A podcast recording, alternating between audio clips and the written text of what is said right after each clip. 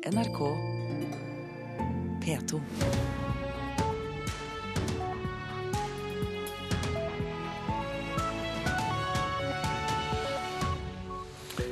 Velkommen til eh, Nyhetsmorgen mandag 26. mai. Dette er hovedsaker nå klokka 6.30. Mekling på overtid i lønnsoppgjøret både i stat og kommune. Kommuneoppgjøret kan være nærmest en løsning. Flere måtte evakuere husene sine i helgen pga. flom. Vi får rapporter fra flomområdene. Euroskeptikere og ytterliggående høyrepartier gjorde et brakvalg til EU-parlamentet. Og vi skal høre at flere har lungesykdommen kols i Hedmark og Oppland enn ellers i landet. For i Innlandet, der røyker de mer. De sier det er røyking, så jeg får bare tilstå at jeg har røyka. Siden jeg var ganske ung og helt til jeg var 50. Karin Rudshagen i Kongsvinger.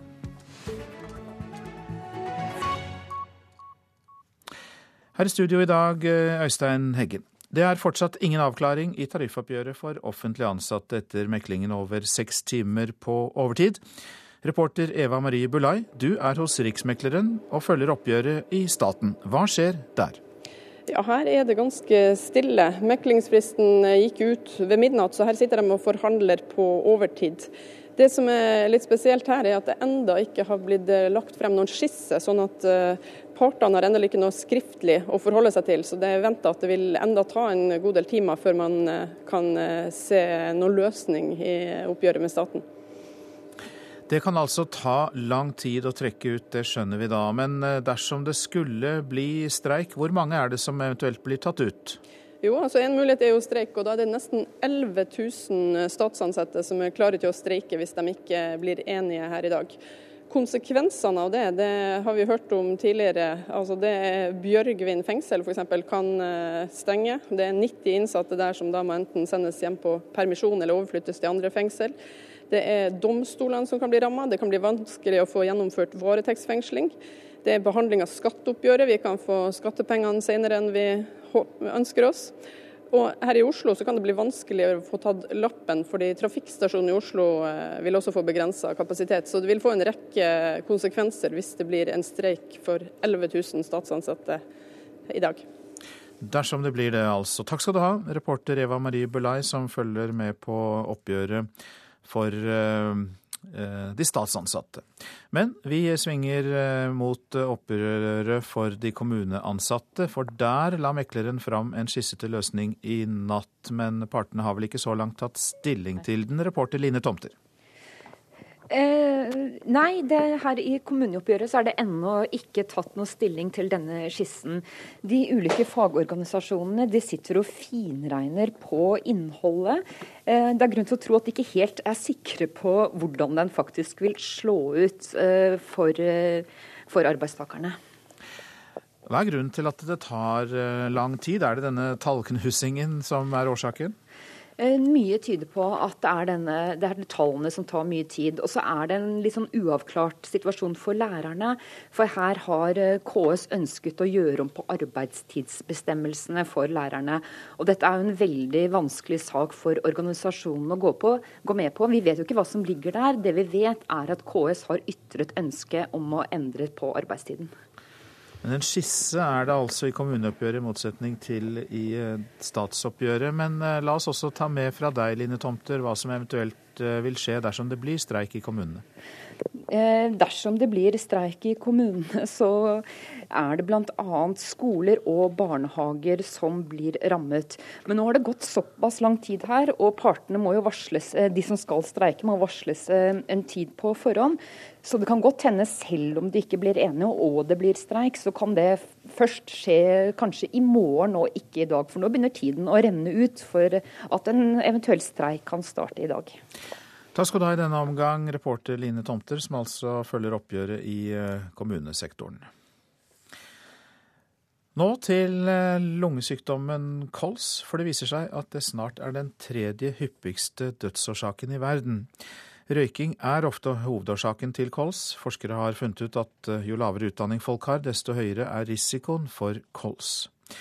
Karin Rudsagen i Kongsvinger er en av dem som merket at kroppen ikke fungerte som den skulle. Hoste, tungpust.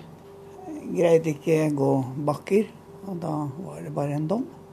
Noe som jeg har vært redd for, for jeg så en dame for mange år siden på sykehuset med dette utstyret her. Og jeg var så redd. Jeg tenkte dit skal jeg aldri. Og plutselig er jeg der, og så gjør det ingenting. Den slangen den er inne kobla til en konsentrator som lager oksygen. En liten motor plassert i gangen med en sju meter lang plastslange som ender i neseborene til Karin Rudsagen. Et stort smil, varme øyne under grå krøller, ikledd en knall rosa bluse sitter 75-åringen i rullestolen sin i en omsorgsbolig i Kongsvinger. Jeg har fått uh, uterullestol og innerullestol. Jeg kjører rundt byen og koser meg. Og kommer inn på kafeer og butikker og alt med den stolen. Vet du hvorfor du fikk kols? De sier det er røyking, så jeg får bare tilstå at jeg har røyka. Siden jeg var ganske ung og helt til jeg var 50. Det finnes mellom 200 og 300 000 personer med kols her i landet. Røyking er årsaken til kols i rundt 80% av tilfellene. Overlege og lungespesialist Dag Amundsen ved sykehuset i Kongsvinger, tidligere ved Granheim lungesykehus, ser at stadig flere kvinner får kols, og at det er forskjeller mellom fylkene. Ja, Det virker jo som om statistikken kan fortelle det at det er forskjell på fylker. Det har vel først og fremst med røykevaner å gjøre. Og da ser vi vel kanskje at sånne bymessige strøk, eh, sånn som Oslo og Stavanger, så er det vel eh, mange som har skjønt at de må slutte å røyke. Mens en del andre strøk i landet så har de vel ikke helt eh, forstått det enda, og de eh, beholder sine gamle røykevaner. I tillegg til røyking så kan også stoffet på jobben føre til kols. Også andre faktorer spiller inn.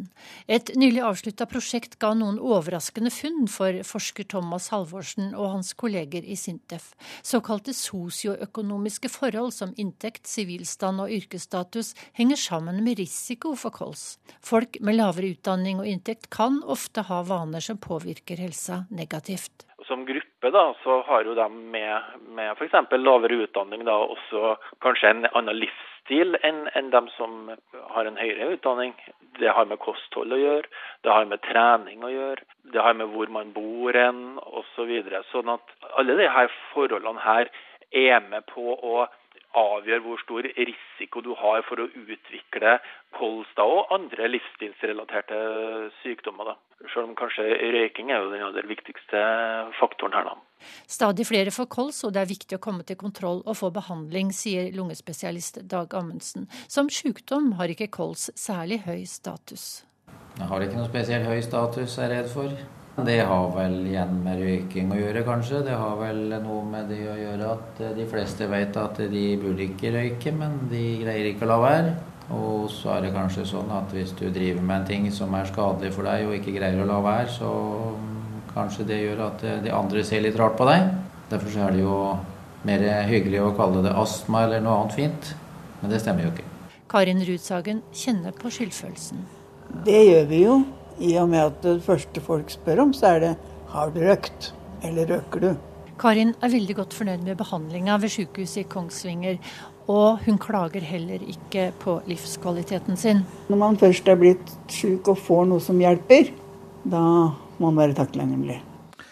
Karin Rudsagen til reporter Vera Wold. Nå til striden om metadonbehandling av gravide narkomane. Helsedirektoratet står fast ved sitt råd om at kvinner som får slik behandling skal fortsette med metadon også under graviditeten. Anne er en av dem som ble rådet til å trappe opp bruken av medisinene da hun ble gravid, men hun mener det gjorde henne alvorlig syk, og angrer på at hun hørte på legene. Må du ha en god dag på skolen? Ja, ha det, mamma. Mamma er glad i deg. Ha det bra. Han er blitt skolegutt og klarer seg, men det har kosta dem mye. Anne ble gravid medan hun gikk på metadon. Hun ville trappe ned, men legene råda hun til å holde fram. Sønnen ble født med abstinenser og har i dag store problemer med hukommelsen. Han har problemer med å holde fokus, glemme ting. Og òg dette med balanse. Han kan ikke klippe skikkelig med saks, f.eks. Helsedirektoratet råder narkomane kvinner til å holde fram med metadon under svangerskapet. Anne angrer på at hun gjorde det legene i LAR råda hun til. Jeg er overbevist til den dag i dag at det var ikke det rette. Stadig flere barn blir født av kvinner som har brukt metadon under svangerskapet. Barnelege på Haukeland sykehus, Halvard Reigstad, mener mødrene bør få råd om å trappe ned eller slutte med medisinen. Jeg tror da at uh, i disse tilfellene så har en i altfor stor grad uh, vektlagt den voksne brukeren, uten at en har tatt nødvendig høyde for at dette her faktisk har potensielle alvorlige langtidseffekter på dette barnet som skal bli født. Årsaka til at kvinnene blir råda til å fortsette på metadon, er at ingen veit hva som skjer med barnet når de trapper ned, sier forsker Monica Sarfi. Det å ta bort et medikament som holder de både rusfri og som gjør at de er stabile under et svangerskap, da vet man ikke hvordan det går med det fosteret i magen. Og den forskningen mangler vi.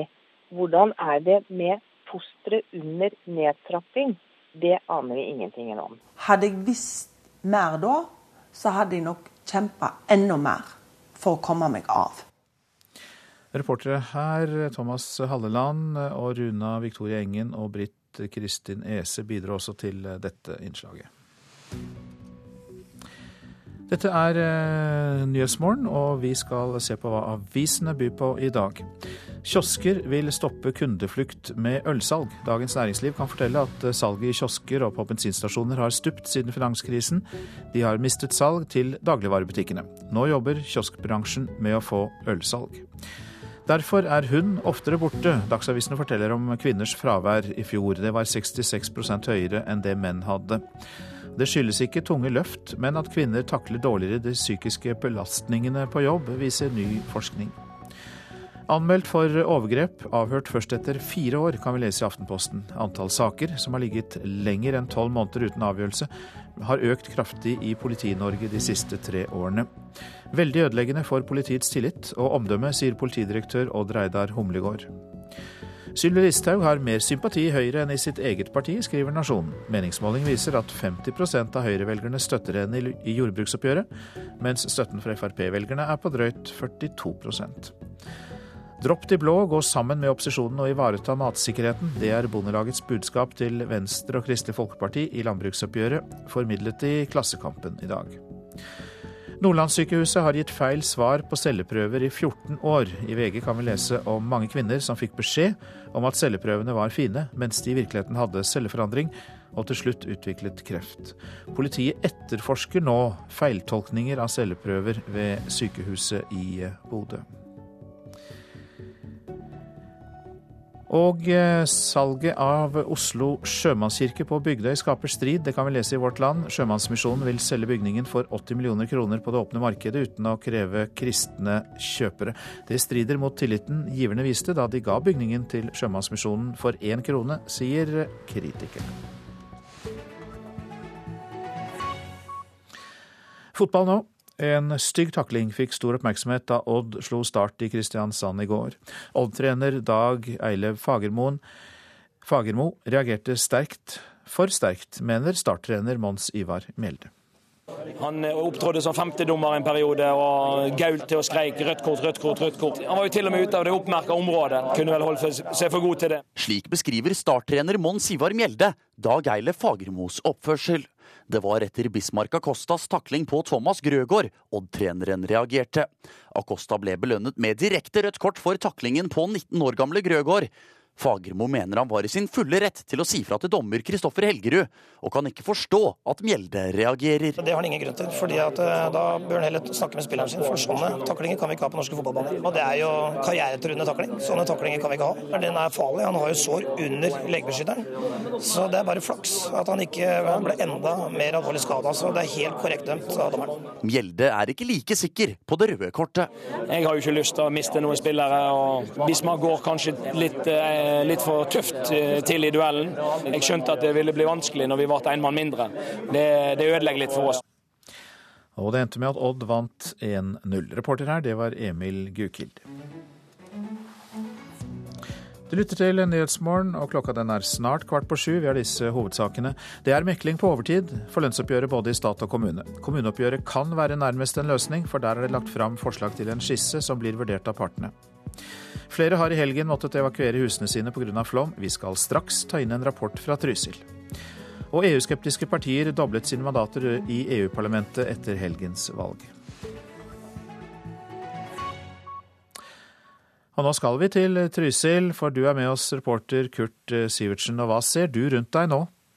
Akkurat nå står jeg på Flomvollen eh, like ved sentrum innbygda i Trysil og ser bort på Flomstein, hvor eh, vannet nå står over 1967-flommen. Det vil si at i løpet av kvelden og natta så har flommen i Trysil passert 50-årsflom. Det vil si at i løpet av natta så har vannet steget med mellom 20 og 30 cm. Hva er de siste informasjonene du har om uh, hva folk foretar seg for å uh, klare seg unna stormen, nei, flommen som best de kan? Altså Her eh, er det jo folk på, vakt hele døgnet fra kommunens side. og Jeg har snakka med teknisk sjef i dag, og han har ikke fått noen rapporter om ytterligere skader på veier i natt. og Folk flest forsøker å verge seg så godt de kan. Jeg ser jo like borte fra meg, så står det pumper og durer og går ved et hus for å unngå å få vann inn i første etasjen på huset. Like overfor på andre sida av elva her så er det et hus som allerede har vann i kjelleren, og som har vannet helt opp til første etasje. Slik er situasjonen mange plasser. Men altså, det meteorologene var redd for i går kveld, var jo at en del av det regnet som kom i natt, kunne komme som svært lokale, brutale regnskyll, som kunne få bekker til å vokse til enorme størrelser på kort tid. Så vidt jeg forstår, så har det ikke skjedd her i Trysil i natt. slik at situasjonen når det gjelder veier og folk som er innestengte sånn, den er likeens like i dag som den var i går. Uten denne flomvollen som du nå står på, Kurt Sivertsen, så hadde vel Trysil sentrum stått under vann nå? Helt opplagt. Altså, her jeg står så er det en meter ned til vannflata, og det er i hvert fall to-tre meter ned til gateplanet på innbygda i Trysil sentrum. Så vannet hadde stått eh, ganske høyt i hele innbygda i Trysil sentrum hvis det ikke hadde vært for denne flomvollen som ble bygd etter uh, flommen i 95. Men hva sier folk uh, andre steder? Kunne de også tenkt seg bedre sikring og flere flomvoller? Ja, altså, Du har jo en, eh, et sagbruk som er svært rammet av flommen her, eh, Moelven Trysil. Der står jo vannet nå en meter inn i bygningene, og man har måttet stanse all virksomhet. Så driftsstansen og skaden på bygningene vil jo ramme dem for mange millioner. De har for lengst bedt om å få en flomvoll rundt uh, dette sagbruket. Det har de ikke fått, men det er det, noe, det de ønsker seg. Men NVE sier at her må det da nye undersøkelser til før man eventuelt kan få bygd en flomvoll i framtida der. Mange takk skal du ha i denne omgang, reporter i Trysil Kurt Sivertsen, som sto på Flomvollen ved Trysil. Nå om helgens valg til Europaparlamentet, for der ligger de EU-skeptiske fløypartiene an til å doble antall mandater i parlamentet. I Storbritannia ser det ut til at det høyrepopulistiske UKIP ser ut til å bli landets største parti ved valget. Både i Danmark og Frankrike ligger EU-fiendtlige partier på ytterste høyre fløy an til å bli størst. Samtidig beholder den konservative og den sosialdemokratiske fløyen flertallet i EU-parlamentet. Og vi har mer om det etter klokka sju. I Colombia leder opposisjonens kandidat Oscar Ivan Sulaga etter første runde i presidentvalget i går. Dersom han også vinner andre runde i midten av juni, så kan det bety slutten på fredsprosessen med FARC-geriljaen. Den sittende presidenten Juan Manuel Santos har vært en pådriver i fredsforhandlingene, der norske diplomater deltar som meklere. Etter at 99% av stemmene var talt opp, lå opposisjonens fremste kandidat, Oscar Ivan Zuluaga, an til å få 29,3% av stemmene, mens den sittende presidenten Juan Manuel Santos hadde en oppslutning på nær 4% under. Ettersom ingen fikk mer enn halvparten, blir det en ny valgomgang 15.6. Zuluaga har i valgkampen anklaget presidenten for å være for ettergivende overfor FARC-geriljaen. Han går inn for å bryte alle forhandlinger, med mindre FARC går med på fullstendig og umiddelbar kapitulasjon. Santos kan på sin side vise til framgang i forhandlingene som foregår på Cuba med norske mellommenn. Sist helg ble det enighet om det tredje av fem punkter på dagsordenen, hvilket innebærer at FARC forplikter seg til å ta avstand fra alt som har med narkotikahandel å gjøre. Ifølge meningsmålinger støtter et flertall av colombianerne fredsforhandlingene. Men samtidig er de engstelige for at den sittende presidenten skal gi ledende FARC-medlemmer amnesti. Den 50 år lange væpnede konflikten har kostet 200 000 mennesker livet, og mellom 4 og 5 millioner er drevet på flukt fra sine hjem. Groholm, Washington.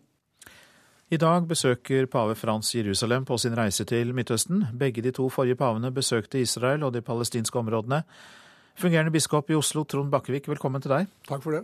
Du har arbeidet med å tilrettelegge samtaler mellom religiøse ledere i Israel og Palestina i flere år. Og hvilken betydning har et pavebesøk?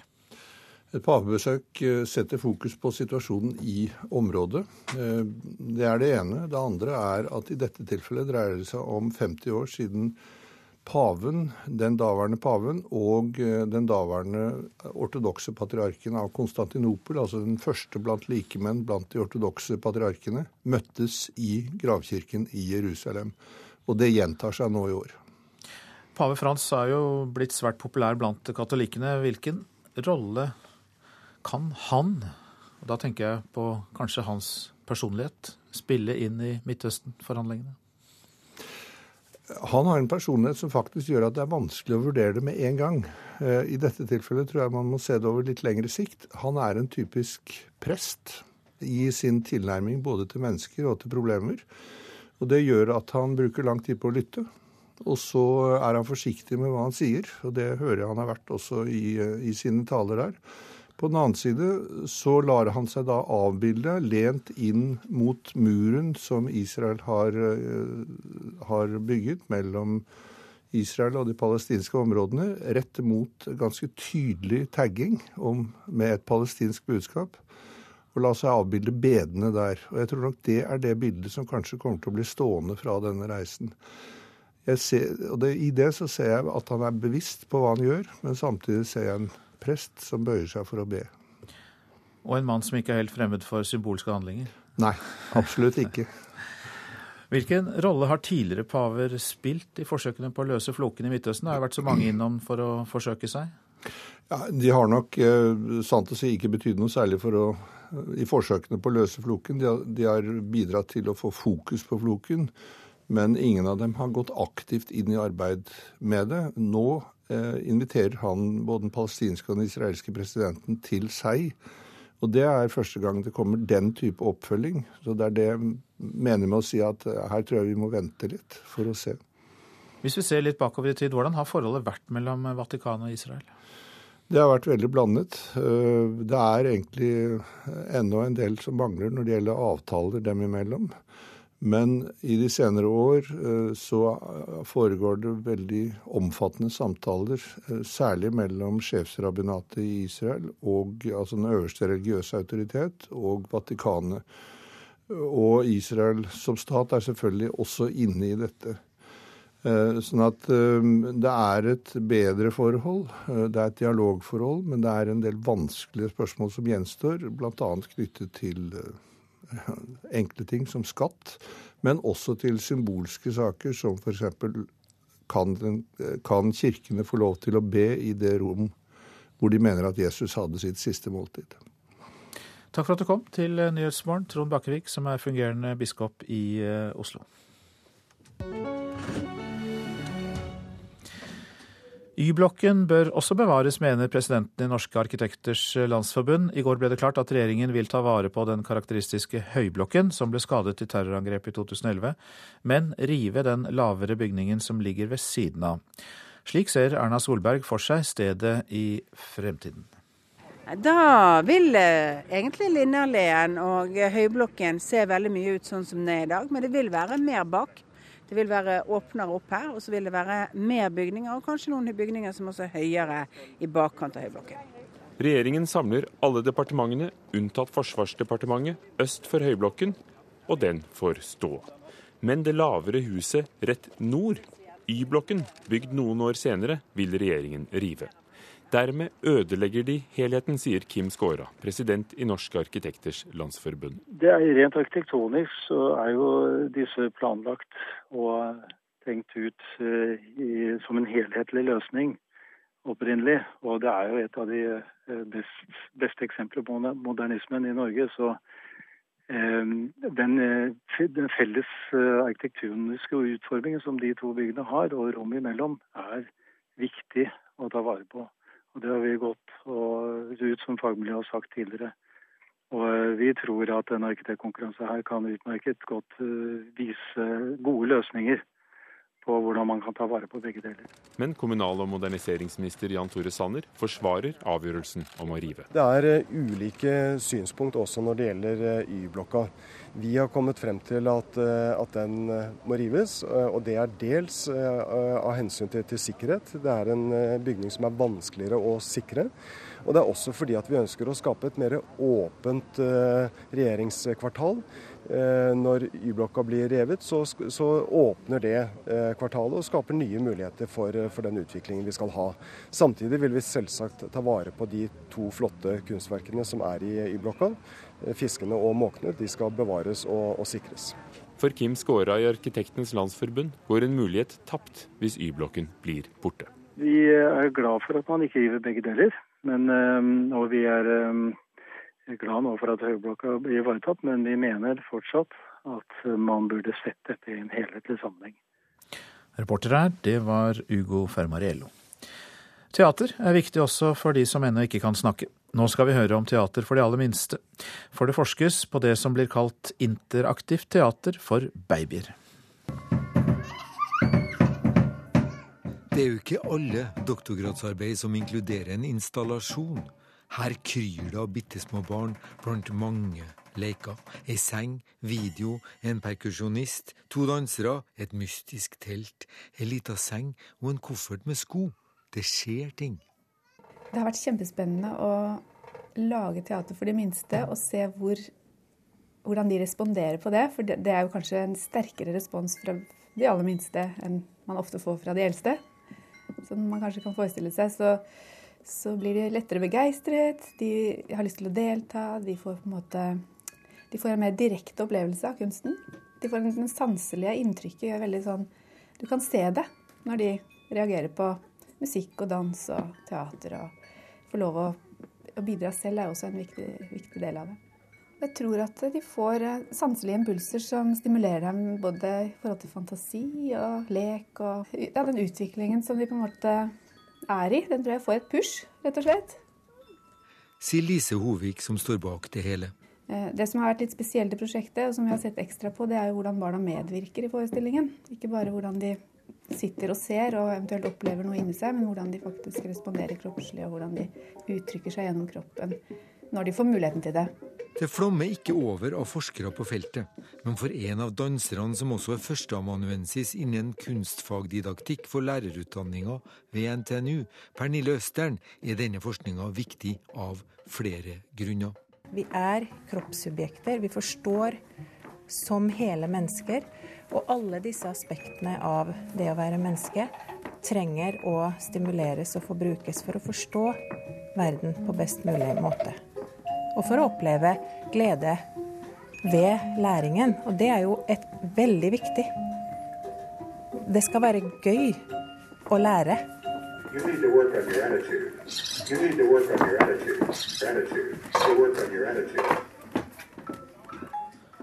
Og denne reportasjen var laget av Lars Erik Skjærseth. Så skal jeg ta for meg værvarselet. Fjell i Sør-Norge. Enkelte regnbyger fra Dovre østover, ellers opphold og lange perioder med sol.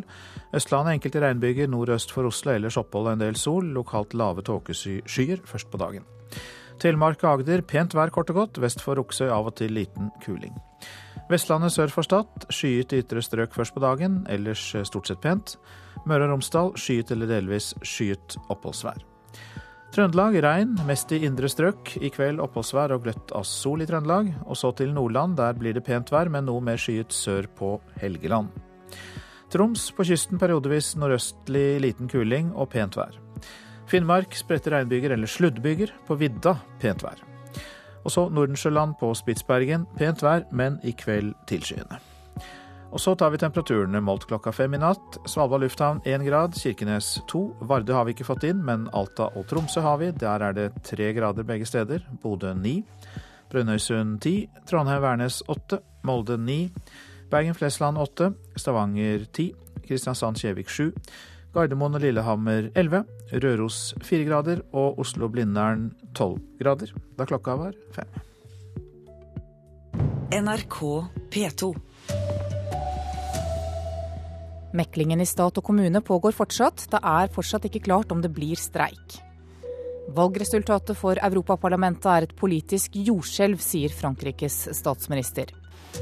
Her er NRK Dagsnytt klokka sju. Det er altså fortsatt ingen avklaring i tariffoppgjøret for offentlig ansatte etter mekling sju timer på overtid. I kommuneoppgjøret la mekleren frem en skisse til løsning i natt, men partene har så langt ikke tatt endelig stilling til den. Og reporter Line Tomter, hva er det som gjør at dette drøyer? Her i Kommunenes hus har det vært forvirring faktisk i flere timer. Eh, partene har sittet så finregnet og finregnet og ikke helt klart å finne ut hvordan, det, hvordan skissen slår ut. og Derfor ba de om eh, en presisering fra mekler, som for fem minutter siden la frem en ny skisse som nå partene skal ta stilling til. Samtidig sitter partene i oppgjøret for staten og mekler. Hva skjer der nå? I statsoppgjøret så skjer det veldig lite akkurat nå. Det virker som det helt har stoppet opp. Vi har ikke fått noen beskjed om at det vil ligge en skisse på bordet engang der i nær fremtid. I og med at dette drøyer, vet vi om en eventuell streik trer i kraft fra i dag? Hvis det blir streik, så skjer det først fra i morgen av. Eh, alle kommunene og statsansatte har nå fått melding om å gå på jobb som vanlig. Takk skal du ha, Line Tomter. Og i Oslo så blir det uansett ingen streik i dag. Partene i oppgjøret for Oslo kommune har tatt pause til klokka ti i formiddag, og da fortsetter meklingen. EU-skeptiske partier fra en rekke land i Europa har gjort et brakvalg til EU-parlamentet. I Storbritannia ser UK Independence Party ut til å bli største parti. I Frankrike gjør Nasjonal Front det best, og i Danmark ble Dansk Folkeparti størst. I Sverige og Finland har Sverigedemokraterna og Samfinnene gjort bedre valg enn tidligere, men i noen land, som Nederland og Italia, har de EU-kritiske partiene gjort det dårligere enn forventet. I Thailand har kongen formelt utnevnt hærsjefen som leder av et nytt militærstyre for landet. For å gjenopprette lov og orden i landet og for å sørge for landets enhet, har kongen utnevnt general Prayut Chanocha til overhode for Nasjonalrådet for lov og orden. Det står i et kongelig dekret som nyhetsbyrået AFP har fått eh, tilgang til. Kvinner takler psykiske belastninger på jobb dårligere enn menn, og det er grunnen til at kvinner oftere er sykmeldte, ifølge en studie fra Statens arbeidsmiljøinstitutt. Kvinner opplever i større grad enn menn at de har stor arbeidsmengde, at tempoet på jobben er høyt og at de har liten innflytelse på egen arbeidsdag, skriver Dagsavisen. NRK Dagsnytt, Anne Jetlund Hansen. Nyhetsmorgen fortsetter med disse sakene. Vi får inn rapporter om uh, meklingen som er på overtid, både i stat og kommune. Flere har i helgen måttet evakuere husene sine pga. flom. Vi tar inn en rapport fra Fåvang i Oppland i denne sendingen.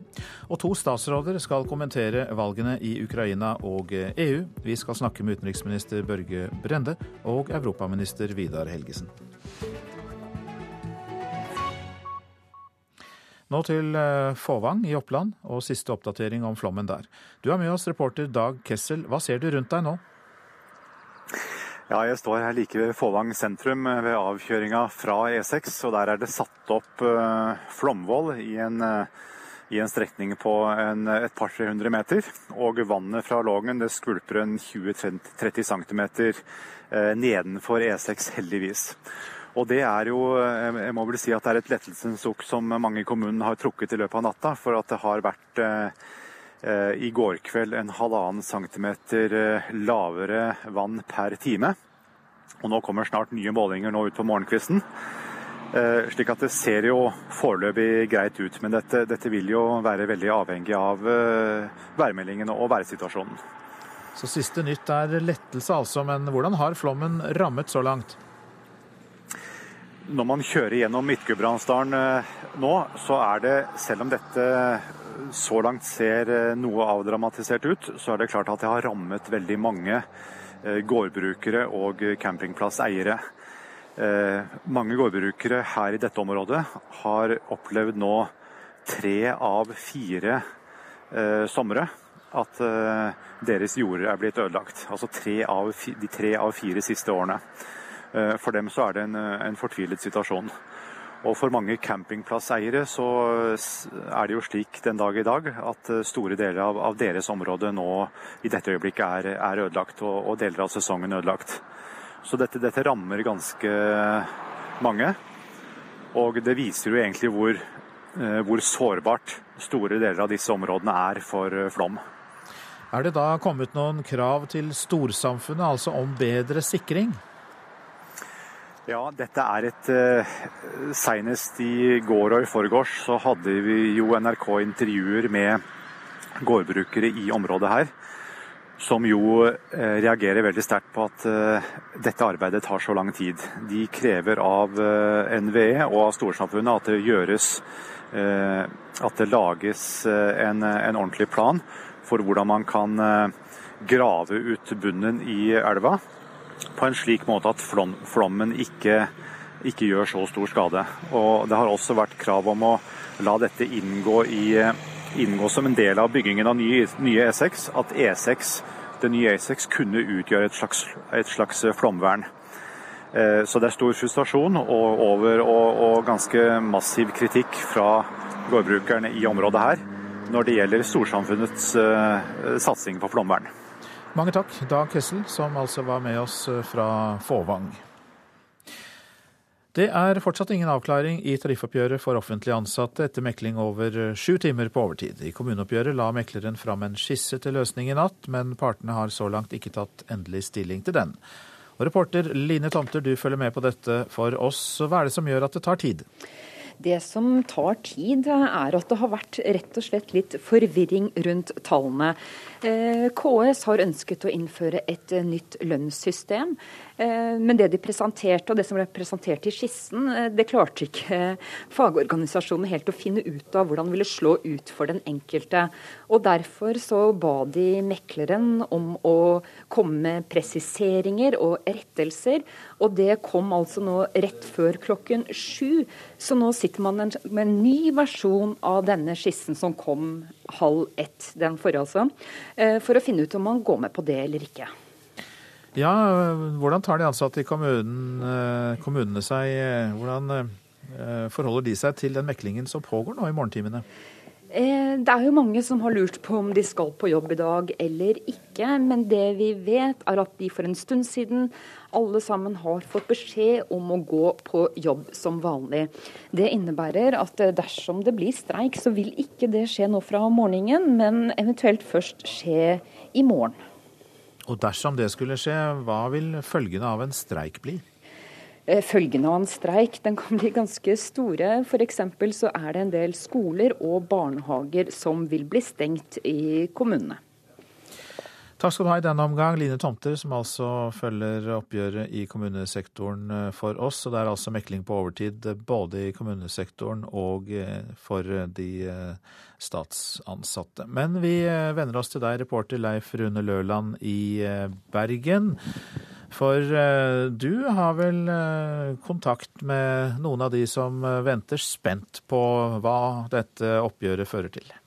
Ja, han heter Bjarne Moen Olsvold, han som eventuelt blir streikegeneralen her i eh, Bergen. For han er leder for eh, Unio Bergen, og det er nesten alle av de 2100 som blir tatt, eventuelt blir tatt ut i streik, er Unio-tilsatte. Han har nå fått i seg morgenkaffen. Skal vi høre, eh, er det noe signal og andre enn det at folk skal møte på jobb og levere ungene sine?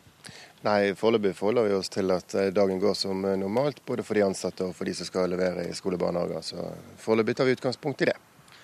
13 000 barn er det som eventuelt blir berørt her. Kan det skje i løpet av dagen at de plutselig må hjem? Nei, Foreløpig får vi vente og se hva som skjer i, i meklingen. Men uh, vi antar at dersom det skulle bli en streik i løpet av dagen, så vil det skje på en skikkelig måte, og man vil få den tiden man trenger til å områ seg. Og en del barnehager har det som heter tilsynsordning, eh, og noen andre er stengt. Eh, hva med sykehjemmer? Hvordan eh, Hva skjer med der? Uansett om det blir streik eller om det ikke blir streik, så vil ting bli gjort på en skikkelig måte. Det vil være nok bemanning, og det er ingen grunn til å være bekymret for, for noen ting heller knyttet til sykehjemmene. Og om en uh, liten stund så møtes de første eventuelle streikende til, uh, til uh, appellmøte. Ja da, dersom det skulle bli en streik, så har vi plan for det. Men foreløpig avventer vi situasjonen og håper på at det blir en god løsning i kommunesektoren. Og så tar vi en streik hvis den eh, måtte komme. Det sa Bjarne Moen Olsvold, leder for Unio Bergen.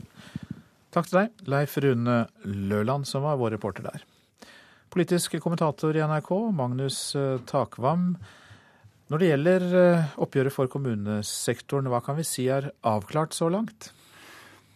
Ja, det er jo øh, Den økonomiske rammen, for så vidt både for staten og i kommunene, er så langt jeg forstår avklart. Der har arbeidstakerne måttet akseptere en ganske stram ramme, som er da på linje med det såkalte frontfaget som kom ut med en ramme på 3,3% Her har det vært en god del dragkamp på forhånd, fordi Eh, mange i offentlig sektor mener de har eh, et etterslep som tilsier at de burde få noe mer enn denne rammen. Men her er altså arbeidsgiver eh, motparten vært knallhard og har fått partene med seg på å akseptere dette. Da er vel det egentlig viktig, at selve rammen, økonomiske rammen, den, den er det aksept for? Det er klart, men det gir jo eh, i sin tur en del utfordringer for eh, de ulike gruppene innenfor både stat og kommune, og kanskje særlig eh, i statsområdet, der man i tillegg har en problemstilling med eh, vektingen av lokale versus sentrale tillegg.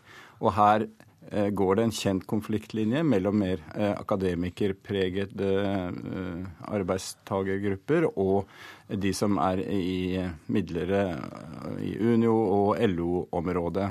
Det er klart, Jo mer som blir gitt av en trang ramme til lokale tillegg uten streikerett, jo mindre blir det per definisjon igjen til disse, disse gruppene som LO og Unio er spesielt opptatt av. Så denne vektingen spisser seg på en måte til. Denne profilkampen er det som til en stor grad foregår i øyeblikket i statsområdet.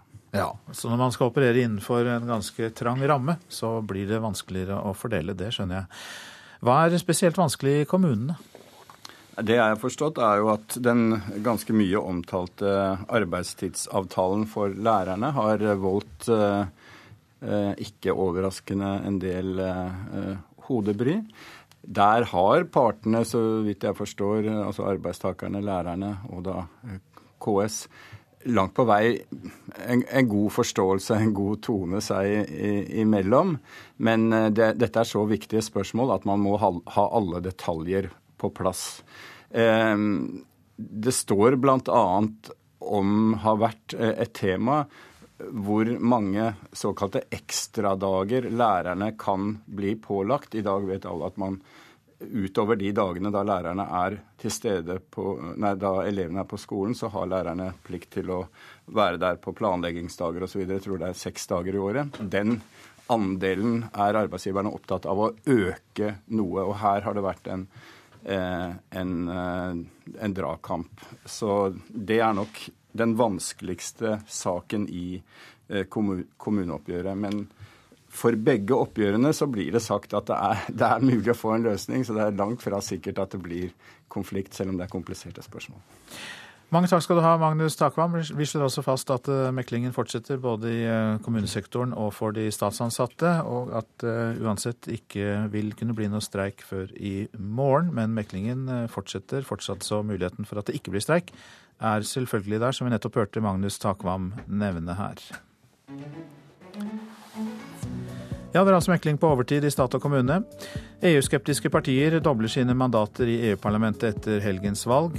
Og eh, flere har i helgen måttet evakuere husene sine pga. flom i Trysil. Det er noen av stikkordene for eh, denne sendingen i Nyhetsmorgen. Og klokken den går fram mot eh, kvart over sju. Men nå retter vi blikket mot Ukraina. Der har forhåndsfavoritt Petro Porosjenko erklært seg som vinner av presidentvalget. Foreløpige resultater viser at eh, han fikk om lag 56% av stemmene i det som blir kalt et skjebnevalg for landet som rives mellom øst og vest. Korrespondent Hans-Wilhelm Steinfeld, du har fulgt valget tett, både i hovedstaden Kiev og fra de østlige områder. Og eh, ble valget gjennomført eh, i områdene der separatistene har stått sterkt? Ja, til dels så ble det det. men det var selvfølgelig vanskeligst å organisere eh, valglokaler og urner fordi separatister angrep valgfunksjonærer i Danetsk-regionen. Men i store byer som Zaporozjzj, Kharkiv, Dnipropetrovsk, svære byer med blandingsbefolkning, eh, gikk valget som normalt, men det var ganske mye hjemmesitting, f.eks. i Ukrainas nest største by, Kharkiv, der Porosjenko fikk 48 eh, mot altså 56% på landsbasis. Men veldig mange russere har stemt på han i Kharkiv likevel for å få til et slikt stemmetall. Så alt i alt så er det nok åpenbart at Vladimir Putin ble nødt til å respektere dette valgresultatet, som han også sa han ville gjøre i St. Petersburg onsdag i forrige uke. Du har jo fulgt valgkampen til eh, Porosjenko, Hans-Wilhelm eh, Steinfeld. Og er det rett mann til å lede Ukraina framover, tror du? Det tror jo åpenbart de som har stemt på ham. Det tror jeg jo. Han har ord på seg for å ha tjent sine formuer på ærlig vis. Han er sjokoladekongen her i landet. Og hvis jeg får dele et ukrainsk munnhell med dere Når det går godt for en mann i livet, så er han i sjokolade. Og med 1,3 milliarder dollar i formue, så er det åpenbart at Parasjenko er i sjokolade. Imidlertid så er han en sentrumspolitiker, og hans valgkampparole var 'vi må leve på et nytt vis'.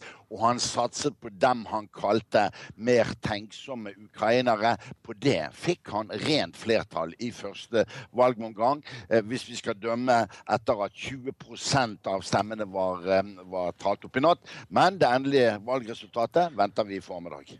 Ja, Vi holder kontakt med deg, Hans-Wilhelm Steinfeld, nå til utenriksminister Børge Brende. Du har fulgt med på valget fra Kiev. Nå er det kommet til Romania skal videre til Moldova. Og Har du inntrykk av at valget i Ukraina var fritt og uavhengig? Nå skal jo OSSE og 900 observatører komme med sin endelige vurdering i løpet av ettermiddagen. Men det er jo et faktum at i 23 av 25 fylker så ble det avholdt eh, fullt eh, ut valg. og det er jo en seier for Ukraina og gir jo en ny president det mandatet som trengs for å inngå en assosieringsavtale med EU, men samtidig innlede konstruktive samtaler med de østlige delene og med Russland. Petro Porosjenko, er det en mann Norge kan samarbeide med? Han eh, er, som Stenfeldt var inne på, en vellykka forretningsmann. Han har bygd opp et imperium i de østlige delene av Europa, men har erfaring både som økonomiminister og utenriksminister. Og har, iallfall i de samtalene jeg eh, har hatt med han, senest på fredag, en klar agenda om kamp mot korrupsjon, grunnleggende økonomiske reformer. Men det å lede Ukraina hvor eh, man har de russiske separatistene eh, i øst, krever jo en enorm evne til balansegang. Han sa til meg på fredag at det første han skal gjøre, er å reise til eh, Donetsk, og der skal han komme opp med en plan for å skape arbeidsplasser og nye investeringer overfor de ungdommene som er arbeidsledige. Det syns jeg høres veldig fornuftig ut. Hans-Wilhelm Steinfeld, eh, hvor eh, realistisk er det å få disse separatistområdene med på laget? Det er åpenbart eh, første post på programmet hans? Ja, han er opptatt av to ting. Få nye arbeidsplasser frem til de sørøstre områdene. Få frem europeiske verdier her. Og her har faktisk Norge et mulig prosjekt å tilby. Norges handelshøyskole tok for på slutten av 80-tallet unge polske sivilingeniører på, i Poznan på åtte måneder kjørte de dem gjennom fullt siviløkonomistudium i Polen. Dette er et prosjekt som eh, vil interessere en Porosjenko, for han er veldig opptatt av at eh, Ukrainas utdanningssystem også må bli reformert. Og bedriftsøkonomi er jo omtrent som gammelgresk for folk som er oppdratt i den planøkonomiske kulturen her i Ukraina. Hjertelig takk skal du ha, Hans-Wilhelm Steinfeld, som rapporterte for oss fra Ukraina, og utenriksminister Børge Brende, som nettopp var i Ukraina, men nå altså er i eh, Romania. Vi kan slå fast at euroskeptikerne gjorde et brakvalg og erobret 129 plasser i det nye EU-parlamentet. Men foreløpige tall viser at sentrum-høyregruppen beholder makten med 211 plasser. Europakorrespondent Åse Marit eh, Befring, eh, du har fulgt med på dette for oss nå i morgentimene og sikkert også i natt. Hvilke land finner vi de mest oppsiktsvekkende resultatene? Ja, skal vi begynne i uh, våre naboland i Norden, så gjorde Fredrik Reinfeldt sitt uh, parti Moderaterne et overraskende dårlig valg. De fikk bare 13% av stemmene. Og danske Folkeparti i Danmark uh, var det på, som gjorde det best i Danmark, og blir altså det blir altså et på ytterste høyre fløy som danskene sender flest fra til EU-parlamentet. Ellers så har det jo vært et katastrofevalg igjen for eh, Frankrikes president Hollande sitt parti, Sosialistene. Eh, det fikk 13 og der ble altså Nasjonal Front eh, veldig stort. Fikk 26% av stemmene, ser det ut til. Og Marine Le Pen hun har allerede krevd nyvalg i Frankrike. Men eh, når du spør om overraskende, så må jeg jo si at eh, når Tyskland nå sender én eh, representant fra et, ny, uh, et nazistisk parti, NPD, så er jo det noe som, som ikke føles så greit ut fra hva, hvordan EU hva, hva, de tenker rundt hva EU skal være. Ja, også, også med et befring har vi jo Storbritannia også, der EU-skeptikeren fremfor noen virkelig har gjort et godt valg? Ja, eh, UKIP, har gjort et eh, brakvalg. Eh, de var jo ferdig med sin De hadde jo valget sitt på torsdag. Mm. Og ser ut til å ha, ha, gjort det beste valget noensinne. Og blir det største fra England. Ja, Vi holder kontakt med deg. Vi har fått besøk i studiet av Vidar Helgesen, statsråd for europaspørsmål. God morgen til deg. God morgen. Ja, La oss analysere dette. Hvorfor tror du det ble så sterk framgang for ytterliggående krefter i Europa?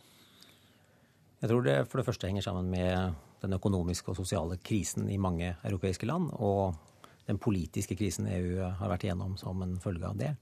Og så er det klart at vi også må gå til de enkelte land, for det er mye her som forklares med nasjonalpolitikk. Så det er et variert bilde. Det er interessant å se at eh, selv om eh, EU-skeptikerne gikk fram i land som ja, Italia, Spania, så er det de ja, klassiske medlemslandene, ikke minst Frankrike. Vi ser eh, det største jordskjelvet med at Marine Le Pen gjorde så stort med sitt nasjonalfront. Hvordan forklarer du det i Frankrike, for å ta det spesifikt? Jeg tror at der har det mye med uh, fransk politikk å gjøre. Frankrike er et land med ganske store eh, grunnleggende problemer. De har jo ikke hatt et balansert budsjett siden 70-tallet.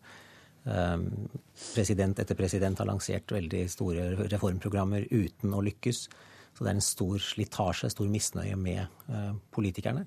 Jeg så i går at én eh, av tre velgere hadde sagt at de var sinte på regjeringen, og at det var bakgrunnen for deres stemmevalg. Vi eh, går litt tilbake til deg, også, Marit eh, Befring. For eh, er det mulig for dette nye EU-parlamentet å fungere med så mange skeptikere innenfor? Ja, Det er jo det store spørsmålet. Altså, man regner jo med at den politiske kverna kommer til å jobbe saktere.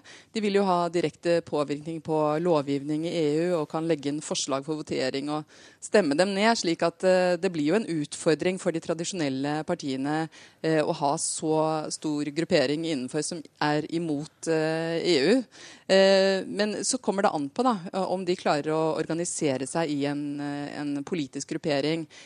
på venstresiden har de det, men på høyresiden siden, så eh, altså det kreves at det er 25 politikere fra sju land for å bli en gruppering. Det er da de får en reell mulighet til å påvirke. Eh, slik at eh, Hvis ikke de får til det, noe Marine Le Pen har forsøkt eh, på lenge, eh, så, så vil de kanskje ikke ha så stor innvirkning som man kan frykte. Vidar Helgesen, eh, vil det nye EU-parlamentet dermed fremstå som en klamp om foten for de ivrigste EU-tilhengerne nå? Vi skal ikke glemme at uh, godt over 80% altså 83% eller noe sånt, har stemt på klassiske uh, sentrumsorienterte partier. Og jeg tror kanskje ikke at det er i Europaparlamentet vi får de største utslagene. Der tror jeg man vil få mer konsensus, mer samarbeid over uh, klassiske partigrenser. Men det som kan bli spennende, er jo hva som vil skje i Det europeiske råd mellom medlemsstatene. Hvordan medlemsland som Frankrike etter dette valgresultatet kommer til å opptre der sammen med Storbritannia, eh, sammen med et land som Danmark, eh, vil de klassiske partiene spille etter Eller danse etter de ytterliggående partienes pipe, eller vil de stå opp for de grunnverdier som Europa bør og må preges av? Hjertelig takk, Vidar Helgesen, statsråd for europaspørsmål i regjeringen, og til Åse Marit Befring, vår korrespondent i Europa. Så skal jeg si noen ord om det avisene har eh, lagt vekt på i dag. Kiosker vil stoppe kundeflukt med ølsalg. Dagens Næringsliv kan fortelle at salget i kiosker og på bensinstasjoner har stupt siden finanskrisen. De har mistet salg til dagligvarebutikkene. Nå jobber kioskbransjen med å få ølsalg. Derfor er hun oftere borte. Dagsavisen informerer om kvinners fravær. I fjor var 66% høyere fravær enn det menn hadde. Det skyldes ikke tunge løft, men at kvinner takler dårligere de psykiske belastningene på jobb, viser ny forskning. Anmeldt for overgrep, avhørt først etter fire år, kan vi lese i Aftenposten. Antallet saker som har ligget lenger enn tolv måneder uten avgjørelse, har økt kraftig i Politi-Norge de siste tre år. Veldig ødeleggende for politiets tillit og omdømme, sier politidirektør Odd Reidar Humlegård. Sylvi Listhaug har mer sympati i Høyre enn i sitt eget parti, skriver Nasjonen. Meningsmålingen viser at 50 av Høyre-velgerne støtter henne i jordbruksoppgjøret, mens støtten fra Frp-velgerne er på drøyt 42 Dropp de blå, gå sammen med opposisjonen og ivareta matsikkerheten. Det er Bondelagets budskap til Venstre og Kristelig Folkeparti i landbruksoppgjøret, formidlet i Klassekampen i dag. Nordlandssykehuset har gitt feil svar på celleprøver i 44 år. I VG kan vi lese om eh, mange kvinner som fikk beskjed om at celleprøvene var fine, mens de i virkeligheten hadde celleforandringer og til slutt utviklet kreft. Politiet etterforsker nå feiltolkningen av celleprøver ved sykehuset i Bodø. Salget av Oslo sjømannskirke på Bygdøy skaper strid, kan vi lese i Vårt Land. Sjømannsmisjonen vil selge bygningen for 80 millioner kroner på det åpne markedet, uten å kreve kristne kjøpere. Og det strider mot tilliten giverne viste da de ga denne bygningen til Sjømannsmisjonen for én krone. Det mener kritikerne.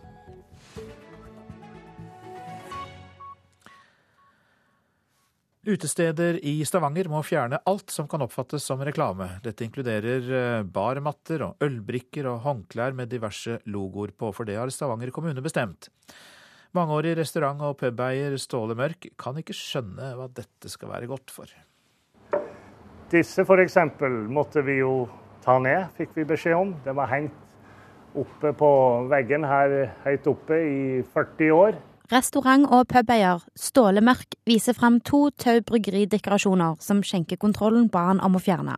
I tillegg har de fjerna ølbrikker, barmatter, håndklær og alt annet som kan oppfattes som reklame inne på utestedet Dickens i Stavanger. Du er inne på en pub, og en pub er jo som kjent en plass hvor folk kjøper øl. og Når du går inn på en pub, så vet du jo hva det dreier seg om.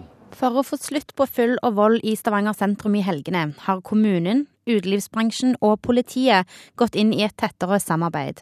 Mørk forstår ikke hvordan fjerning av alkoholreklame kan være med på å redusere helgefyll.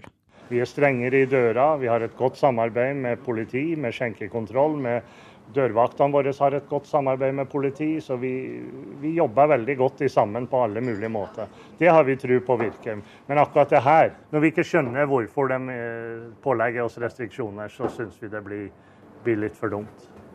Det kommer ikke til å hjelpe på alkoholkonsumet i hele tatt. Det er vel en, en uh, forståelse av loven om alkoholreklame at dette på en måte er med å og er reklame for alkohol. Det sier Høyre-politiker Jon Peter Hernes, som er leder for skjenkeutvalget i Stavanger. Han foreslår at skjenkekontrollen og utelivsbransjen bør sette seg ned og komme fram til en løsning som virker fornuftig for begge parter. Og som ikke virker så strengt at det slår mot sin hensikt og virker som pirk. Så, så jeg kan tenke meg at vi får en, en skikkelig gjennomgang og har med folk fra bransjen for å og se helt praktisk på hvordan vi kan gjøre dette på en fornuftig måte. Men frem til det skjer, må Dickens-eier Mørk holde skilter, dekorasjoner og andre alkoholrelaterte effekter skjult for gjestene sine.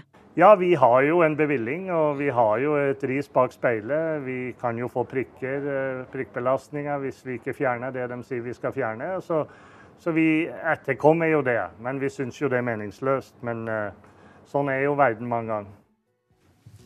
Reporteren her, det var Stine Serigstad.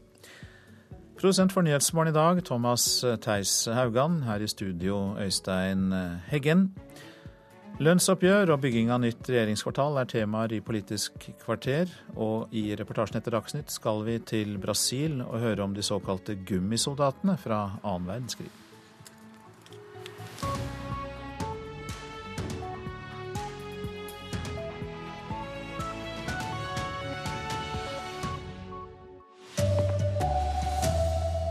Det er fortsatt ikke klart om det blir streik blant ansatte i stat og kommune. Meklingen pågår fortsatt. Trysil er rammet av 50-årsflom, vannet stiger. Og EU-skeptikere og høyrepopulister har gjort et brakvalg til Europaparlamentet. Her er NRK Dagsnytt klokka 7.30. Det er altså ingen avklaring i meklingen i lønnsoppgjøret verken for kommunesektoren eller for de ansatte i staten. Mekleren la for kort tid siden fram enda en skisse til løsning, og reporter Line Tomter, hvordan er den mottatt? Eh, det var her i Kommunenes hus at mekleren la frem en ny skisse for kommuneoppgjøret. Eh, grunnen til at eh, hun måtte gjøre det, var at det var full forvirring om hva som egentlig lå i denne skissen. Eh, kommunen ønsker å lage et nytt lønnssystem, og her har man regnet og regnet og ikke helt skjønt innholdet. Vi vet egentlig ikke som, eh, hvordan de har reagert på den nye skissen, men det vi vet er at det nå er mer klarheter eh, når det gjelder om de kan si ja eller nei på vegne av sine medlemmer. Dersom det blir klart at de kommuneansatte går ut i streik, hvor raskt blir den eventuelt iverksatt? Eh, alle kommuneansatte har nå fått beskjed om å gå på jobb som vanlig. Og Det er jo særlig i skoler og barnehager eh, at folk vil merke at kommuneansatte streiker. Det vil eventuelt ikke da skje før i morgen. Så alle de elevene eksempel, som kanskje hadde gledet seg til at det kunne bli streik eller slippe eksamen, vi må skuffe dem og si at det blir skole som vanlig i dag skal vi videre til reporter Eva Marie Bulai. Du er hos Riksmekleren og følger oppgjøret for de statsansatte. Hva skjer der nå? Ja, Nå har akkurat riksmeklingsmann Nils Dalseide kommet ut, og da må jeg spørre deg, hva er siste nytt inne fra meklingsrommet? Eh, vi har arbeidet eh, med mekling hele natta, eh, hatt en veldig god prosess. og har fått skapt mindre avstand enn det var tidligere på flere punkt. og jeg håper at eh, fortsatt mener jeg at det er mulig å komme fram til noe som eh, jeg håper at eh, kan være brukbart for alle helst, eller for de fleste. Hvor langt unna er vi en løsning her? Det er veldig vanskelig å si med hensyn til tid. Men så lenge vi, altså man husker på at nå er vi på overtid. Partene ønsker å være her. De ønsker fortsatt å ha dialog. Og da betyr jo det at vi kommer nærmere. Og eh, vi kan eh, legge til at hvis det skulle bli streik, så er det opp mot 11 000 personer som kan tas ut i streik i eh, staten. Over til deg, politisk kommentator her i NRK, Magnus Takvam. Hva vet vi om hva som er avklart så langt? Ja, Den økonomiske rammen for begge oppgjørene er, så vidt jeg har forstått, avklart. og Det betyr at de partene må akseptere en ramme som er en kopi av det såkalte frontfaget i industrien på 3,3% Her har det vært en eh, dragkamp der eh, stat og offentlig sektor, eh, kommunene, mener et etterslep i lønnsutvikling burde tilsi en noe høyere ramme, men det har de altså ikke fått gjennomslag for. Hvorfor er dette så vanskelig nå? Det er, eh, I staten er det med en så trang økonomisk ramme en eh, dragkamp om profilen i oppgjøret. Eh, da blir det lite å fordele. Eh, så det er eh, hovedsvaret på det. I kommunesektoren er særlig arbeidstidsavtalen for lærerne komplisert. Den har det vært veldig mye debatt om. Eh, partene er innstilt på kompromiss og løsning, men det er klart man må få til en avtale som også eh, lærerne aksepterer. De har mobilisert mot dette, og det skal gjennom en uravstemning. Så her er det om å gjøre å gjøre en eh, jobb fullt ut, så alle parter forstår hva det dreier seg om. Takk skal du ha, Magnus Takvam. Da skal det handle om flom, for i løpet av kvelden og natta har flommen i Trysil passert 50 års flom. Det er ventet omfattende oversvømmelser og flomskader flere steder i Hedmark, Oppland, Akershus og Østfold. Og reporter Kurt Sivertsen, du er i Trysil nå. Hva ser du rundt deg? Jeg står på Flomvollen like overfor eh, Trysil sentrum, innbygda. Og på Flomvollen så ser jeg at eh, vannhøyden allerede har passert eh, flommen fra 1967. Det vil si at den kommer godt over 50 års flom og bare har 5 cm igjen til 100 års flom. Det vil si at det er en liten halvmeter igjen til 200 års flom, sånn som det var i 1995. Det vil si at vannet har steget ganske mye i løpet av kvelden og natta. Ja, Er flomtoppen eh, nådd etter hvert? Det kan vi ikke si helt sikkert. Sånn ser det ikke ut. Altså Det er meldt bedre vær. Det blir ikke regn i dag, men det er fortsatt en masse snø i fjellet. og Hvis det nå blir sol og mer snøsmelting, så kan jo vannet stige enda mer. Og Det at vannet har steget såpass mye nå i natt, Ole Martin Nordhaug, ordfører i Trysil, det har ført til nye utfordringer når det gjelder stengte veier og folk som er nærmest er isolert, og som kanskje også må flytte fra husene sine. Ja, I Nybergsund så har jeg fått beskjed om at flere har flyttet ut fordi at vannet har gått høyt. Jeg har også melding nå helt uh, nylig om at uh, veien mot Flendalen er i ferd med å bli oversvømt av vann. Det vil jo bety uh, betydelige omkjøringsveier da, for å komme til Flendalen, f.eks. med hjemmesykepleie eller skoleunger som skal fram osv folk eh, har flytta, eller kanskje må flytte fra husene sine også? Ja, i Nybergsund vil jeg tro at enda flere kommer til å flytte ut i løpet av dagen hvis vannet fortsetter å stige. og Foreløpig gjør det jo det, så det er ingenting som tyder på at dette er over ennå. Takk skal du ha, reporter Kurt eh, Sivertsen. I Ukraina har forhåndsfavoritten Petro Porosjenko erklært seier i presidentvalget. Ifølge de foreløpige resultatene så fikk Porosjenko om lag 55% av stemmene. En tydelig fornøyd Petro Porosjenko ble møtt av applaus da han i går kveld kunne slå fast at han blir Ukrainas neste president. Porosjenko stakk av med en overlegen seier i det som har blitt omtalt som et skjebnevalg for landet som de siste månedene har vært preget av vold og konflikt. Håpet er at Porosjenko kan bygge bro mellom dem som ønsker et sterkere bånd til Russland, og dem som vil knytte seg tettere til EU. Russia is our neighbor. And without Russia, it would be much less effective or almost impossible to speak about the security in the whole region. Russland er naboen vår.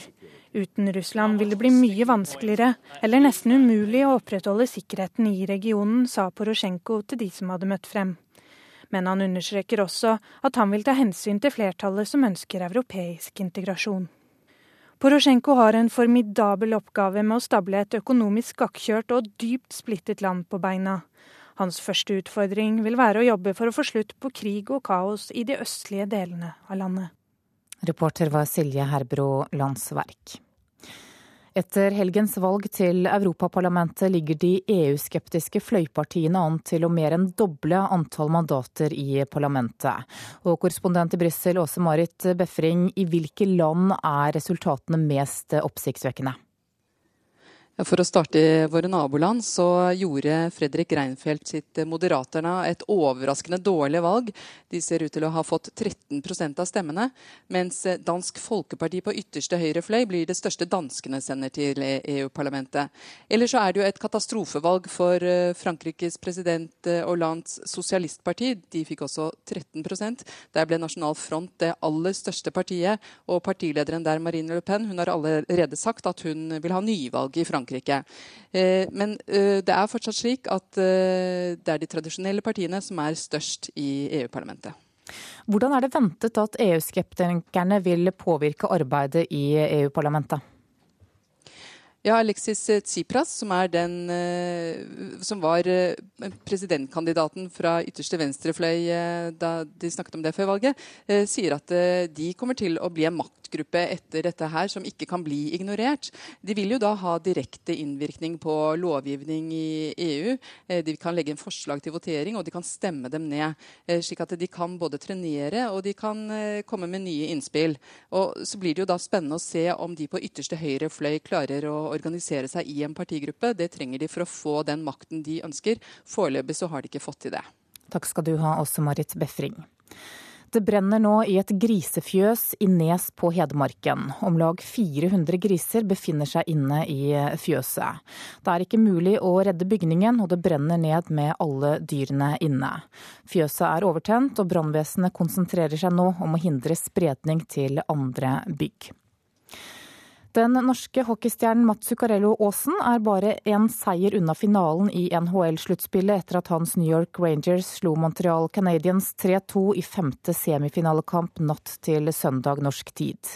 Rangers leder 3-1 i kamper og kan sikre finalebilletter allerede i morgen kveld i Montreal.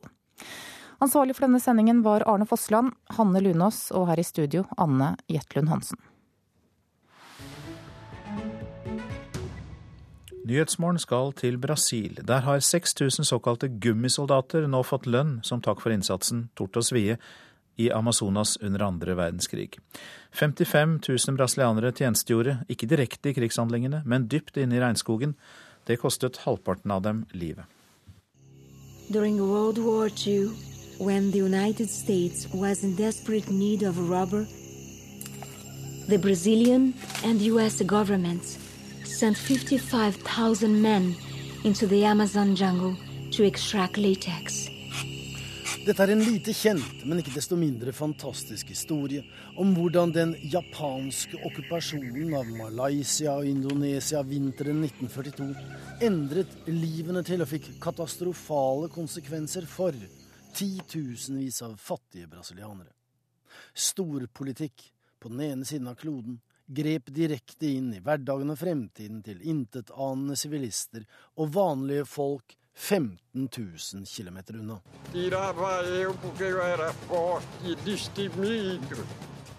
De såkalte gummisoldatene, rubber soldiers, meldte seg frivillig, i hvert fall formelt sett. Men de var under sterk tvang fra myndighetene, og de fleste hadde i praksis ikke noe valg.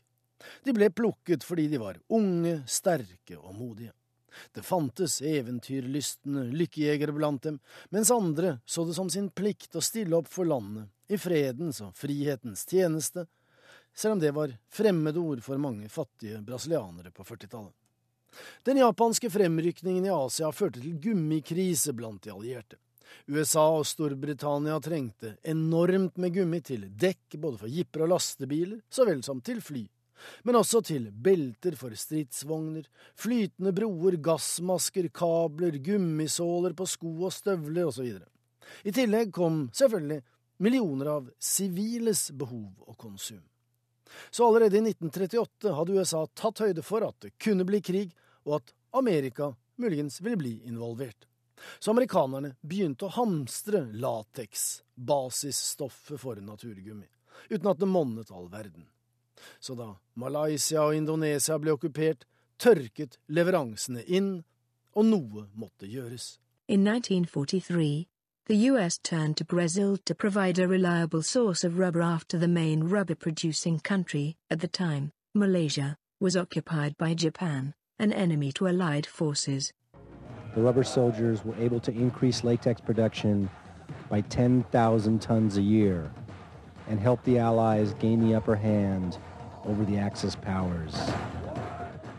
Gummisoldatene kom i hovedsak fra kyststrøkene i nordøst og kjente lite til livet i regnskogen. De levde som soldater, i kaserner med streng disiplin og militære kommandolinjer. De var aldri i kamp, men dagene var lange og tjenesten brutal. Maten og vannet var dårlig, de manglet medisiner, og man regner med at en drøy halvpart, nærmere 30 000 rubber soldiers, døde. Da krigen var over, fikk de overlevende ikke utbetalt den lønnen og den pensjonen de hadde krav på. De fikk ikke fri reise hjem, og heller ikke den boligen de var blitt lovet. Gummisoldatene ble etterlatt, avvist og glemt i det grønne helvete. Oppreisningen kom for sent for de fleste, og den er ikke all verden. Men om den kom sent, kanskje kom den offentlige anerkjennelsen godt for noen. I dag omtales de som helter, men det er en heltestatus uten glorie, velfortjent, men dyrekjøpt. Reporter var Joar Hoel Larsen. Dette er Nyhetsmorgen, dette er hovedsaker. Det er fortsatt ikke klart om det blir streik blant ansatte i stat og kommune. Meklingen pågår ennå. Trysil er rammet av 50-årsflom. Der stiger vannet fortsatt. Det er ventet omfattende oversvømmelser og flomskade flere steder i Hedmark, Oppland, Akershus og Østfold. EU-skeptikere og høyrepopulister har gjort et brakvalg til Europaparlamentet. De er blitt største parti i flere land, bl.a. Frankrike, Storbritannia og Danmark. Og I Ukraina er forhåndsfavoritten Petro Porosjenko erklært eh, som seierherre i presidentvalget. Ifølge de foreløpige resultatene fikk Porosjenko om lag 55 av eh, stemmene. Så til Politisk kvarter. Der er Per Arne Bjerke programleder i dag.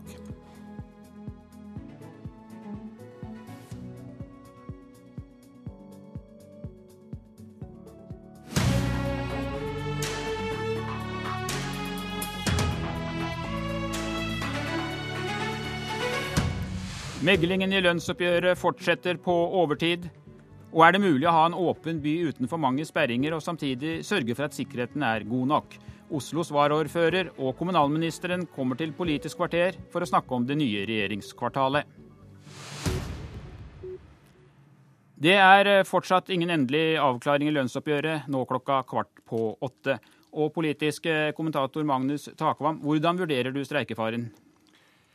Når eh, partene sitter såpass lenge og det eh, blir lagt fram skisser til løsning som partene diskuterer, så pleier det ofte å være et tegn på at eh, man er innstilt på å få til en løsning. Så jeg tror nok det er, det er håp om, om, det, men det tar selvfølgelig da, som vi ser, ganske lang tid å, å komme i mål.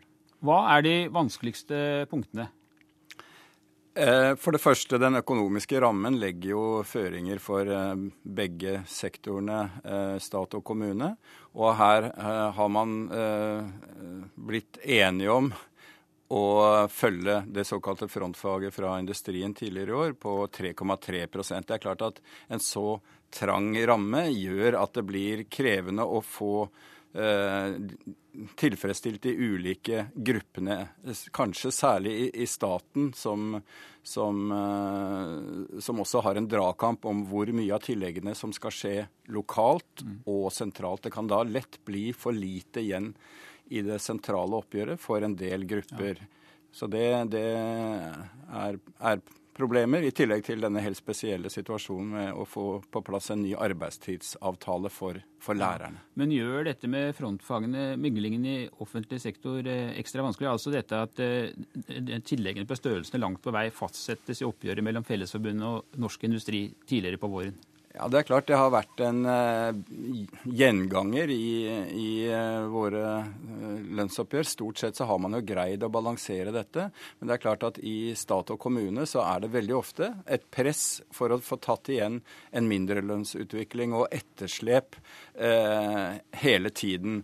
Og det blir et forhandlingstema om man skal i stat og kommune få lov såkalt å gå over den absolutte grensen som frontfaget setter. Men denne gangen har man altså eh, landet på eh, en, en, kopi når det gjelder eh, den økonomiske rammen. Nå er det jo, som du var inne på, store muligheter for at de blir enige når man fortsetter så mange timer på overtid. Men hvis det da skulle bli streik, så vil jo det få svært store konsekvenser for publikum. Blant annet så er det jo snakk om å stoppe all togtrafikk. Hvor lenge kan regjeringen la en eventuell streik gå før den griper inn med tvungen lønnsnemnd? Det, der er det jo klare eh, retningslinjer. I det øyeblikk en eh, konflikt truer hensynet til liv og helse, eller Eh, for store økonomiske eh, konsekvenser for, for, for Norge. Som i, i, oljesektoren så er det jo tradisjonelt på de områdene der, der det er blitt eh, tvungen lønnsnemnd.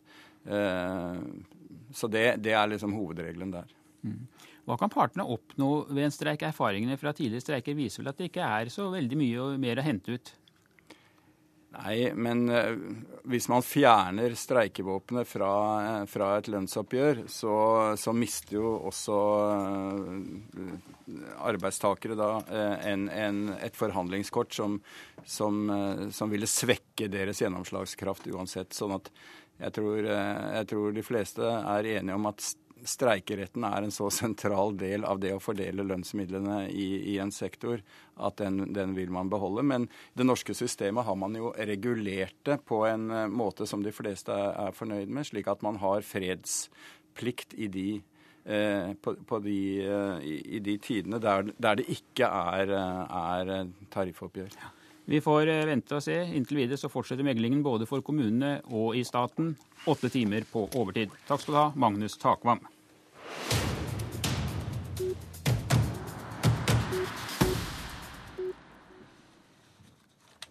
Ja, velkommen Jan Tore Sanner, kommunalminister. Jeg vet at du ikke vil eh, kommentere lønnsoppgjøret så lenge meglingen pågår. Du følger sikkert eh, nøye med, men jeg har bedt deg komme hit for å snakke om regjeringskvartalet. For i går ble det altså klart at Høyblokka får stå, mens de tre andre blokkene i regjeringskvartalet skal rives. Hvorfor valgte dere akkurat denne løsningen? Vi er eh, opptatt av å ta med oss noe av historien inn i fremtiden. Vi skal skape et, et nytt, funksjonelt eh, regjeringskvartal. Det skal være åpent eh, og inviterende for publikum, samtidig som vi må ivareta sikkerheten for, for de ansatte. Men for oss har det vært viktig å ta med noe av, av historien, og Høyblokka den eh, har sterke kulturminner og også en politisk historie som vi mener at det er viktig å, å ta vare på. Varaordfører i Oslo, Libe Ribe-Moen fra Arbeiderpartiet. Terroren 22.07 den var jo også et angrep på Arbeiderpartiet og den rød-grønne regjeringen. Hvor viktig er det at vi nå kommer i gang med arbeidet med å gjenreise regjeringskvartalet? Ja, Angrepet mot eh, regjeringskvartalet var jo et angrep eh, mot eh, nasjonen og mot demokratiet. Og da naturlig nok regjeringskvartalet. 22.07 er jo fortsatt et åpent sår, ikke minst for de som ble direkte berørt. Uh, jeg tror at denne løsningen som regjeringen nå har presentert, på en god og balansert måte kan sikre at vi både får et funksjonelt bygg som ivaretar sikkerheten, samtidig som byrommet kan framstå som åpent, levende og tilgjengelig. Men eh, dette med åpent, eh, levende og tilgjengelig, hvordan er det mulig å ha et åpent byrom og tilgjengelighet for publikum, samtidig eh, som vi skal ivareta sikkerheten for å hindre et nytt terrorangrep, Sander? Det må vi få til. Regjeringskvartalet skal bygges opp i hjertet av, av Oslo. Og da er det selvsagt viktig at regjeringskvartalet også har åpne byrom, er, er inviterende for, for, publikum. Men vi må ivareta også sikkerheten til, til, de ansatte og også besøkende som er der. Vi vet at hvis vi planlegger godt og sørger for å ha integrert sikkerhet, så er det mulig å, å ivareta. Integrert sikkerhet det handler jo både om hva du legger i grunn, og, og hvordan du sikrer, sikrer bygningene. Og nå har vi, nå har vi tid til å, til å, planlegge godt. Eh, og vi kommer jo nå også til å gjennomføre en idéfase hvor vi skal invitere ulike grupper til å komme med forslag til hvordan det nye regjeringskvartalet skal, skal være. Så vi går nå inn i en veldig spennende periode. Det skal være fremtidsrettet, det skal være nøktern, det skal være representativt. Eh, og jeg er veldig glad for at vi også nå får med oss noe av historien inn i det nye.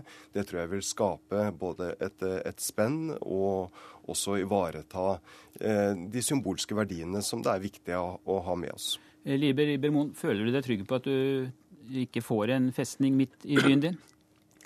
Ja, eh, Slik konseptet nå har blitt lagt fram, så både håper og tror jeg at man skal kunne ivareta både sikkerhetshensynet og hensynet til at regjeringskvartalet er midt i hjertet av, av Oslo by, og at vi selvfølgelig som by ønsker at byen skal være levende, tilgjengelig og åpen. Eh, og det er jo også sånn at eh, dette er en viktig trafikkåre for Oslos eh, befolkning. Det er lokale næringsinteresser som også skal ivaretas, i tillegg til innbyggerne. Sanner? Vi, vi, vi, har jo også hatt veldig nært nær kontakt med Oslo kommune selvsagt i denne prosessen, både administrativt og, og politisk.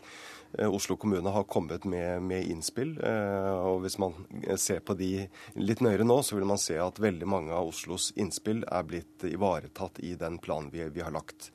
Vi har jo også besluttet at vi, at vi skal rive, rive Y-blokka, og det er jo også en, en, konsekvens av balansen mellom sikkerhet og, og åpenhet. Eh, det ville være vanskeligere å, å sikre Y-blokken fordi at den går over, eh, over eh, Ring 1, altså over den, den tunnelen. Og, og, det er jo også slik at, at ved å rive Y-blokken, så skaper det også større muligheter for å få mer åpenhet og skape de byrommene som vi er så opptatt av i det nye regjeringskvartalet. Ja, Denne rivingen og restaureringen av Høyblokka betyr jo da at man nå fjerner disse åpne sårene etter terrorhandlingen. Man ble kvitt presenningene, Hunt og Midt Huntonittplatene forsvinner. Og Libe Ribemon, Hvor viktig er det at man nå har tatt en avgjørelse, at man kan komme i gang med restaureringen, slik at eh, man hver gang man går forbi regjeringskvartalet, slipper å bli minnet om 22.07? Jeg tror det er viktig at man eh, nå har fattet en beslutning og går, eh, går videre. Samtidig så er jo dette en så spesiell situasjon at jeg tror at det har vært klokt at man har tatt seg tid at det har vært en åpen eh, debatt om regjeringskvartalets eh, framtid. Og den debatten skal jo også fortsette. Vi kommer til å ha arkitektkonkurranser. Det kommer til å være mange ulike forslag til hvordan regjeringskvartalet både kan beholde og bevare noe av historien, samtidig som det skal bli et framtidsretta, eh, flott, representativt, tilgjengelig og åpent nytt regjeringskvartal. Eh, Sanner, du var inne på det at dere ville ta vare på noe av historien. og Høyblokka var jo det første store monumentale bygget i det moderne Norge. Eh, statsminister Einar Gerhardsen flyttet inn der på slutten av 1950-tallet. Men hva blir det egentlig igjen av dette historiske bygget når dere skal bygge et enda høyere hus rett bak Høyblokka? Høyblokken kommer til å, å, stå der. og Jeg har også lyst til å si at, at minnene fra 22.07 de vil alltid være der. Eh, det er, det er, eh, dramatiske og tragiske minner som, eh, som, jeg tror de aller fleste av oss alle mm. tar, tar med oss. Høyblokken den, den, vil nå bli, bli stående, og, og, det sentrale det er jo Høyblokken ut mot, mot Akersgata. Eh, med, med Lindalen og de flotte, flotte kunsten som, som er, på, er, på, veggene. Samtidig må vi også sikre oss at Høyblokken skal være et funksjonelt kontorbygg. Eh, og Det er grunnen til at vi har åpnet for at man kan bygge på, på baksiden. Hvordan dette vil bli gjort, det har ikke vi tatt eh, stilling til, til ennå. Nå vil man gå inn i en planleggingsfase hvor man vil ha idé dugnad, og etter hvert også eh, arkitektkonkurranse. Og det er jo først i den fasen at vi vil kunne se eh, hvordan dette kommer til å se ut. Nå er jo dere to veldig samstemte i denne saken. og Libe Ribemon, Hvor viktig er det at man faktisk kan ha politisk enighet i denne saken på bakgrunn av det som skjedde 22.07?